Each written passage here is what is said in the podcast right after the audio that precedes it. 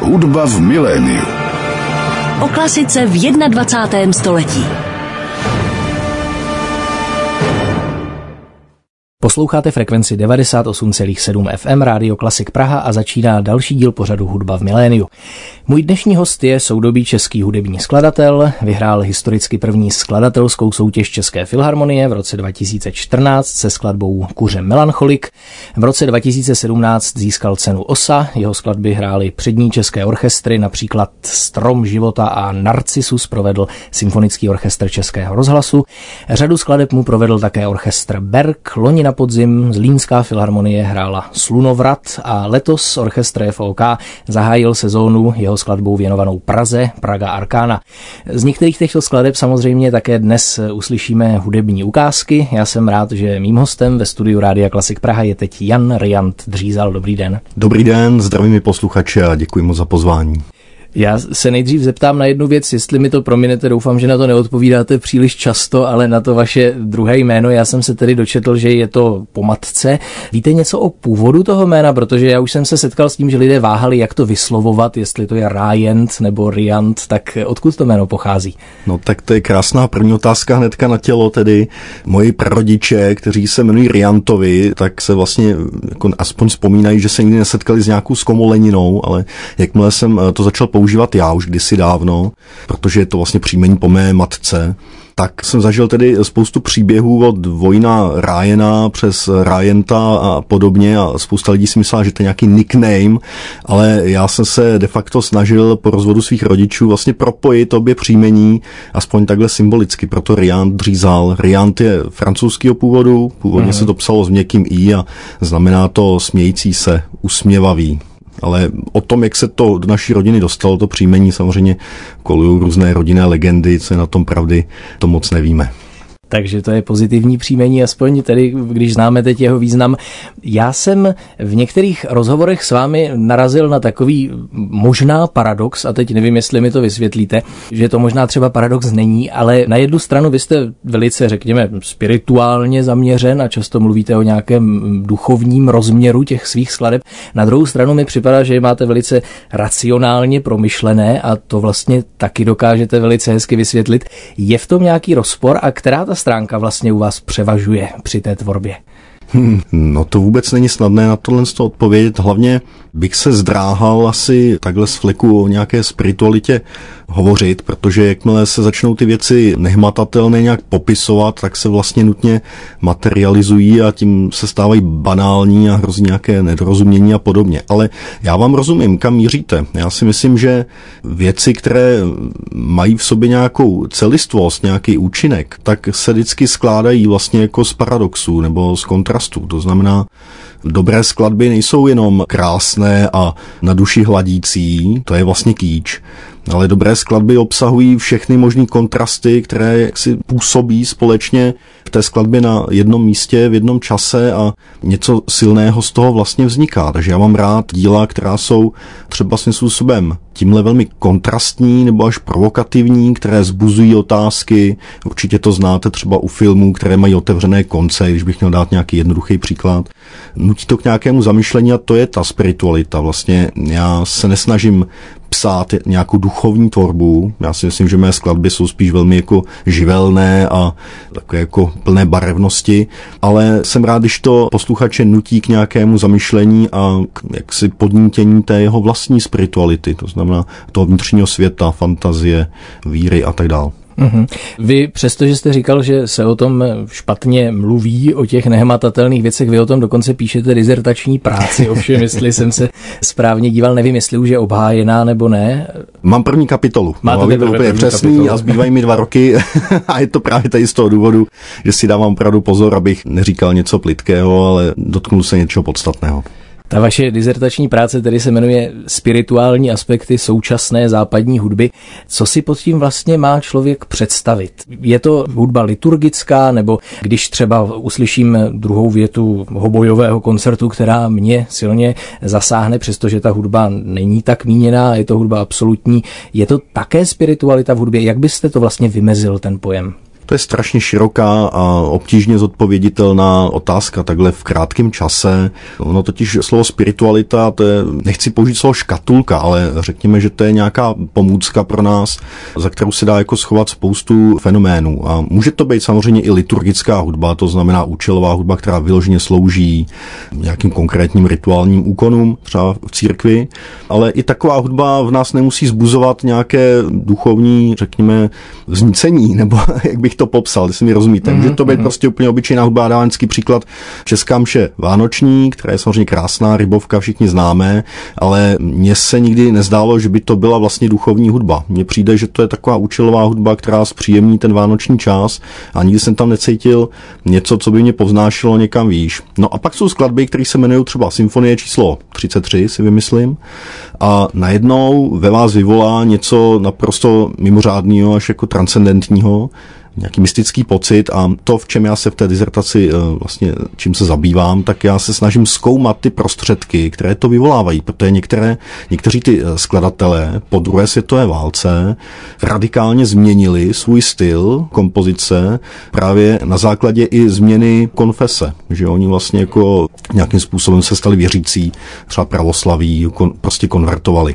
A to změnilo jejich styl a mě vlastně baví čistě objektivně analyzovat, jakými prostředky oni tu svoji novou spiritualitu vlastně vyjadřují. Takže se zabývá jmény jako je Arvo Pärt nebo Karl Heinz Stockhausen, Jonathan Harvey, Sofia Gubajdulina a tak dál. A myslím si, že tam se dotýkám nějaké pevné půdy, že to nejsou jenom nějaké dojmy a pocity nepřenosné, ale že to vlastně ta hudba vykazuje nějaké strukturální kvality, o kterých je zajímavé mluvit. A na co jste tedy přišel? Já vím, že ta práce je na začátku, ale mohl byste třeba jmenovat nějaké hudební prostředky výrazové, kterými lze tedy v západním posluchači navodit nějaký spirituální zážitek? Ano, určitě. Takové prostředky existují, ale znova upozorňuji, hrozí tady velký nebezpečí, že se z toho stane takový recept, taková šablona, a že si pak jako skladatel bude myslet, že když to mechanicky použije, tak hned se dostává do spirituality. Takhle to nefunguje. Jo, je to mnohem složitější, je to opravdu alchymie. Ale v hrubých obrysech můžu nastínit, že velkou úlohu tam hraje práce s časem, zacházení s časem. To už si všiml Olivier Messien, který se inspiroval vlastně hudbou Dálného východu například a středověkou hudbou, která taky obsahuje vlastně tyhle ty různé časové vrstvy. Abych to posluchači nějak přiblížil, existují skladby, které jsou zajímavé tím, že nám například ruší takový ten pravidelný beat, na kterými jsme zvyklí tady v těch populárních písničkách. To jsou všechno taneční vlastně hudby, které jedou plus minus 120 prostě nějaký puls za minutu a najednou přijde skladba, která rozpustí tady ten beat a my se dostaneme do jakéhosi bezčasí a když se k tomu ještě přidá harmonická složka nějakým zajímavým způsobem, tak to může v nás vyvolávat úplně jiný posluchačský zážitek, který bude evokovat, nebo může evokovat. Zase vyhněme se nějakému zařazování. Může to evokovat nějaký pocit transcendentna nebo nějakého mystického až jako prožitku, bych se nebál říct. Dobrá, mým hostem v pořadu Hudba v miléniu dnes je skladatel Jan Riant Dřízal. Teď jsme si povídali tedy o spiritualitě v hudbě. Možná bychom si teď mohli tedy pustit první hudební ukázku. Nevím, do jaké míry tato hudba je spojená třeba taky s nějakými rituály, protože skladba se jmenuje Slunovrat, což tedy evokuje třeba i nějaké jaksi pohanské tradice a tak podobně. Bylo vám toto inspirací? Já jsem tu původní inspiraci našel při návštěvě Zlína, kdy jsem zašel do tamní galerie a tam jsem viděl nádherné pestrobarevné obrazy Joži Uprky. To byl taký moravský vlastně impresionista náš. A on tam má takový obraz, který se jmenuje tuším dušičky, nebo tak nějak. A ve tmě tam sedí ty děvčátka v těch krásných krojích a mají takové jako plamínky a teď do toho zírají do toho ohně a má to v sobě takový jako magický prvek. A tenhle ten ráz vlastně jakoby kvazi folklorní, kvazi magický, křesťansko-pohanský, protože my víme, že, jo, že křesťané vlastně na ty pohanské tradice navázali. Oni se snažili nějak jakoby překrýt, ale nicméně jenom to jako adoptovali do svých kulis a něco se jim nepodařilo překrýt dodnes, že jo, třeba malování vajíček a prostě pletení nějakých těch pomlázek a podobně. Takže je to taková symfonická rapsodie, bylo to myšleno jako předehra symfonická, která je velmi barevná, odráží se tam ta uprková vlastně paleta barev a je to takový obraz svatojanské noci. Vám tedy Symfonický orchestr FOK nedávno zahrál světovou premiéru skladby Praga Arkána, která je věnována Praze, je inspirována jaksi právě tou, řekněme, duchovní nebo mystickou stránkou Prahy a její historií. Vy jste vlastně Pražan, v Praze jste se narodil, vyrůstal.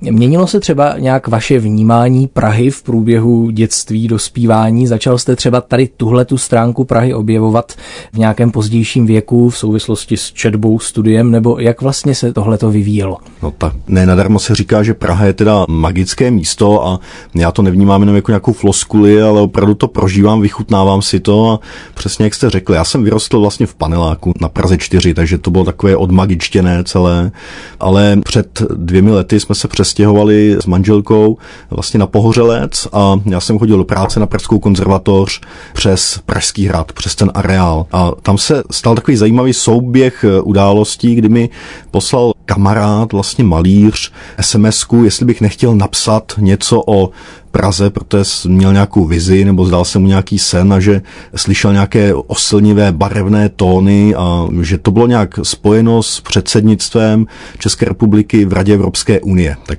mě to potěšilo, jsem se tomu ale zasmál a O nějaký čas později se opravdu ozval dramaturg FOK Martin Rudovský s tím, jestli nechci napsat něco pro Prahu. A já jsem tehdy už měl jasno, že to tedy věnuji těm, řekněme, duchovním aspektům Prahy. Ale já bych chtěl upozornit, že já tu svoji skladbu nepovažuji za vlastně duchovní. Já se nepovažuji za nějakého hudebního, jako spirituálního skladatele. Jo. Já jsem napsal, vlastně vytvořil jsem takové obrazy, které by měly posluchače vtáhnout do té bohaté a mnohovrstevnaté tématiky duchovní Prahy. Takže jsou tam obrazy a věty jako Praha mystická, Praha astrologická, alchymistická, zednářská, židovská a nakonec je Praha zlatá. Jaké na to máte ohlasy na tu premiéru? Vesměs pozitivní, což mě velmi těší, ale samozřejmě i smíšené dojmy, protože si myslím, že ta skladba vyžaduje hlubší ponor a pochopení. Při jenom jaksi povrchním poslechu to může být zavádějící poslech, takže spousta mých kolegů, třeba jako vzdělaných skladatelů nebo hudebníků, tak vlastně to nepochopila. Trošku jsem se přel i s paní Lenkou Dohnalovou, která napsala do Opery Plus recenzi a tam z toho bylo vidět, jak ona je krásně připravená vlastně, ale vůbec jí jako neštimovalo, jak ta skladba vlastně jako nezapadá do toho kontextu těch skladeb předchozích. Jo, protože ty moje předchozí skladby byly více jako organický, plynulý, meditativní a tady ta Praga Arkána je vlastně hodně taková roztříštěná, různorodá, je tam spousta různých citací, je to skladba založená na tom, že používám, půjčuji si citace jiných skladeb. Mm-hmm. To je v té poslední větě tedy nutno říci, že je to taková, vy jste to sám myslím nazval postmoderním remixem různých melodií. Je tohleto podle vás cesta současného skladatele, jak si využívat ty inspirace z té minulosti, tady tenhle ten eklekticismus? Řekl byste třeba, že tohle je směr, kterým má smysl se skladatelsky zabývat v dnešní době? Já si nejsem jistý, jestli ten eklekticismus je nějaký směr. On vždycky bude a byl, že jo. Můžeme to vidět třeba ve filmové hudbě, která je velmi často velmi eklektická. To, o co mě šlo, já jsem si chtěl prostě vyzkoušet takovou intelektuální montáž, protože jsem si pouze nepůjčoval různé citace, ale mě zajímalo, co ty citace udělají mezi sebou. To znamená, tam jsou taková místa v té finální větě, kdy třeba hraje melodie modlitby pro Martu, kterou všichni známe, do toho je ve dvojnásobném tempu státní hymna a to celé je vlastně ještě podpořeno takovou protivětou z začátku českých lů a hájů Bedřicha Smetany a bicí nástroje do toho eh, cinkají takový pochod Háry Kršna. Takže pro mě to je místo, který nějakým způsobem vykresluje třeba naše 90. léta opojení prostě svobodou, Havel a tak dál. Čili mě šlo o ty významy, které tam vznikají. Takže divokou dobu jste znázornil jaksi divokou směsí melodií, tedy Přesně jestli to můžeme tak. tak říct. No, když už tedy jsme o té skladbě tak hovořili, tak myslím, že teď už nám nezbývá nic jiného, než si ji poslechnout. Takže ze skladby Praga Arkána Jana Rianta Dřízala uslyšíme závěrečnou větu Praga Aurea, tedy Zlatá Praha, hraje symfonický orchestr FOK pod taktovkou Tomáše Braunera. Pojďme možná ještě trošku nahlédnout pod vaši skladatelskou pokličku. Mě by třeba zajímalo, jak se ten váš skladatelský styl vyvíjel v průběhu let, v průběhu vašich studií. Vy jste studoval na Pražské konzervatoři u Otomara Kvěcha, jestli to říkám správně, poté u Hanuše Bartoně na Hudební akademii muzických umění, také jste absolvoval nějaké zahraniční kurzy. Tak co vám vlastně různé tyto vzdělávací zkušenosti dali a jak to ovlivnilo váš skladatelský styl? No, na Pražské konzervatoři tam jsem se hledal naprosto, takže nabíral jsem nějaké základní řemeslo, protože v podstatě já jsem přesvědčený, že skladatel by měl umět nějaké kompendium nějakých základních historických technik, aby jednak si procvičil, rozcvičil si prostě závity a byl schopen určité jako univerzálnosti. Hodí se to třeba ve scénické hudbě, filmové hudbě a tak podobně. To je rozdíl mezi skutečným skladatelem a písničkářem. Dneska se to často tohle zaměňuje a mě to vadí, protože když někdo píše písně, a můžou to být nádherný, geniální písně, ale není schopen vlastně už třeba pracovat s orchestrem nebo vytvářet nějaký vyšší formy, tak je to písničkář a všechna čest, ale skladatel toho musí znát a umět mnohem víc. Musí umět harmonii, kontrapunkt, instrumentaci, formy, mít velký přehled a hodně naposloucháno. Takže tohle jsem nabíral na té pražské konzervatoři a pan profesor Kvěch byl v tomhle tom úplně úžasný jako kamarád a rádce. To též bych mohl říct o profesoru Bartoňovi, který stále ještě učí na hudební akademii. A to bylo vlastně pokračování té linie, ale na vyšší úrovni, kdy člověk jako tvůrce už se osamostatnil částečně a spíš se profiloval esteticky. Takže hledal jsem nějaký svůj hudební jazyk. K tomu mi hodně dopomohla stáž v Estonsku, kde jsem byl půl roku, jsem bydlel v takovém bytě na pláži, takovém opuštěném bytě a tam jsem mohl vlastně přemýšlet. Ani jsem nepsal žádný noty, jenom jsem přemýšlel kam dál a myslím, že tam se co si zlomilo a nasměrovalo mě to tím směrem, kde se dnes pohybuji. No a momentálně dokončuji teda doktorátu docenta Luboše Mrkvičky a tam s tím Lubošem Mrkvičkou to už je čerá metafyzika, tam už se nebavíme ani o hudbě, ale o určitých jenom jako principech možná hudebních, takže je to taková opravdu nadstavba, vysoká škola. Já vím, pardon, že ten Luboš Mrkvička užívá takový velmi deterministický styl kompozice, řekli bychom, on si to téměř až jako programuje ty své skladby, že tak převzal jste třeba něco z tohoto přístupu od něj? Ne, to vůbec ne. No, oni občas se nám lidi divějí, co my si jako s Lubošem máme co říct, protože já jsem ten postmoderní typ skladatele, on je spíš takový ten modernistický. Já tam mám tu heterogenitu těch nápadů a stylů a on má naopak tu čistotu, tu jednotu a podobně. A přesto si velice rozumíme a myslím, že můžu říct, že jsme dobří přátelé. Takže opět je to nějaké skloubení těch možná protikladů zdánlivých. Nemusí to být vždycky na nože, může to z toho být taky velký obohacení a přátelství. Mhm. A když jste už zmiňoval tu univerzálnost a takovou tu řemeslnou zdatnost, která umožňuje člověku jak si věnovat se let čemu v rámci té své profese, co třeba vy a filmová hudba nebo nějaká užitá hudba, věnujete se těmto disciplínám? V současné době moc ne. Ještě za studií jsem udělal, ozvučil pár filmů a mám k tomu respekt. Je to samozřejmě jako pole, které má své zákonitosti, ale mě víc zajímá ta volná tvorba, protože tam jsem svobodný, nemusím se podřizovat nějakým požadavkům a můžu rozvinout ty myšlenky v čase. To znamená, ty mý skladby můžou mít klidně půl hodiny a ne prostě dvě minuty maximálně, jako je to ve filmu, že jo, nebo v nějaké divadelní hře třeba říká Jan Riand Dřízal, který tedy je všestraným skladatelem třeba v tom smyslu, že kromě orchestru dovede psát také prozbory. My tady teď máme jednu ukázku zborové skladby De Monstris Marinis, tedy o mořských příšerách. Zpívá Kínův smíšený sbor, my si poslechneme čtvrtou, pátou a šestou část, diriguje Lenka Navrátilová. Zmiňoval jste hudbu severskou, myslím, že jste zmiňoval nějakou studijní stáž někde v Pobaltí, kde jste byl. Dočetl jsem se, že hudbou těchto zemí vy se zabýváte, tak co vás na ní přitahuje, čím je třeba specifická hudba těchto zemí? No, to je tak osobní záležitost. Já bych se asi zdráhal, eh, studoval jsem tedy v Estonsku, já bych se zdráhal nějakým způsobem tu estonskou hudbu definovat, nějak jako nálepkovat, protože je stejně různorodá, jako je hudba česká nebo německá, jakákoliv jiná. Ale já jsem tam prožil kus života a našel jsem tam spoustu přátelství. Velmi jsem se zpřátel například teď z nedávno zesnulým skladatem Velio Tormisem, který je podle mě světová jednička na poli zborové tvorby tvorby. To jsou uchvatné záležitosti. Velmi jednoduchá, velmi účinné. On vynalezl vlastně úplně nový styl, jako zborový sazby.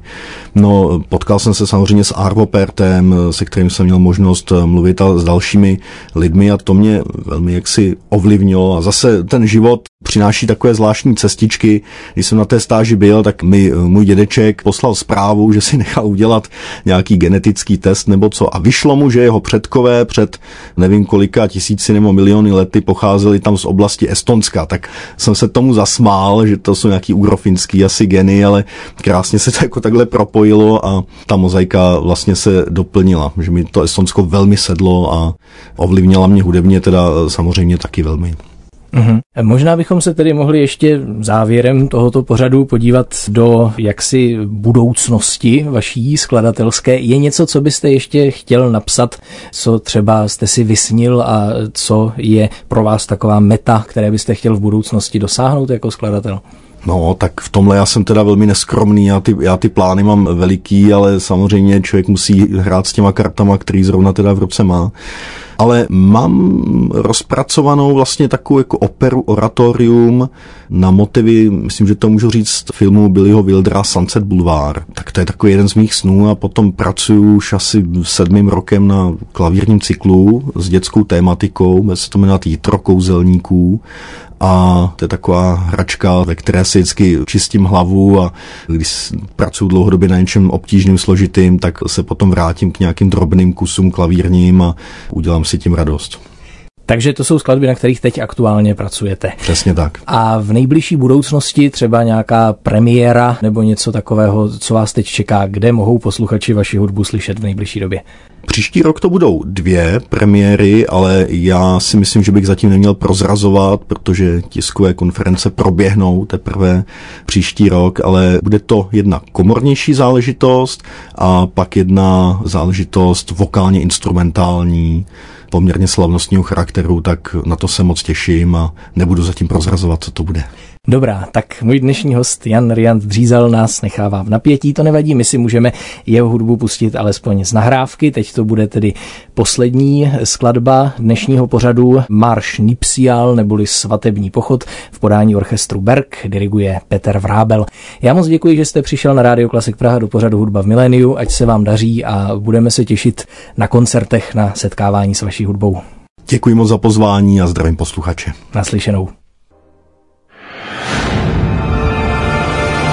Hudba v miléniu.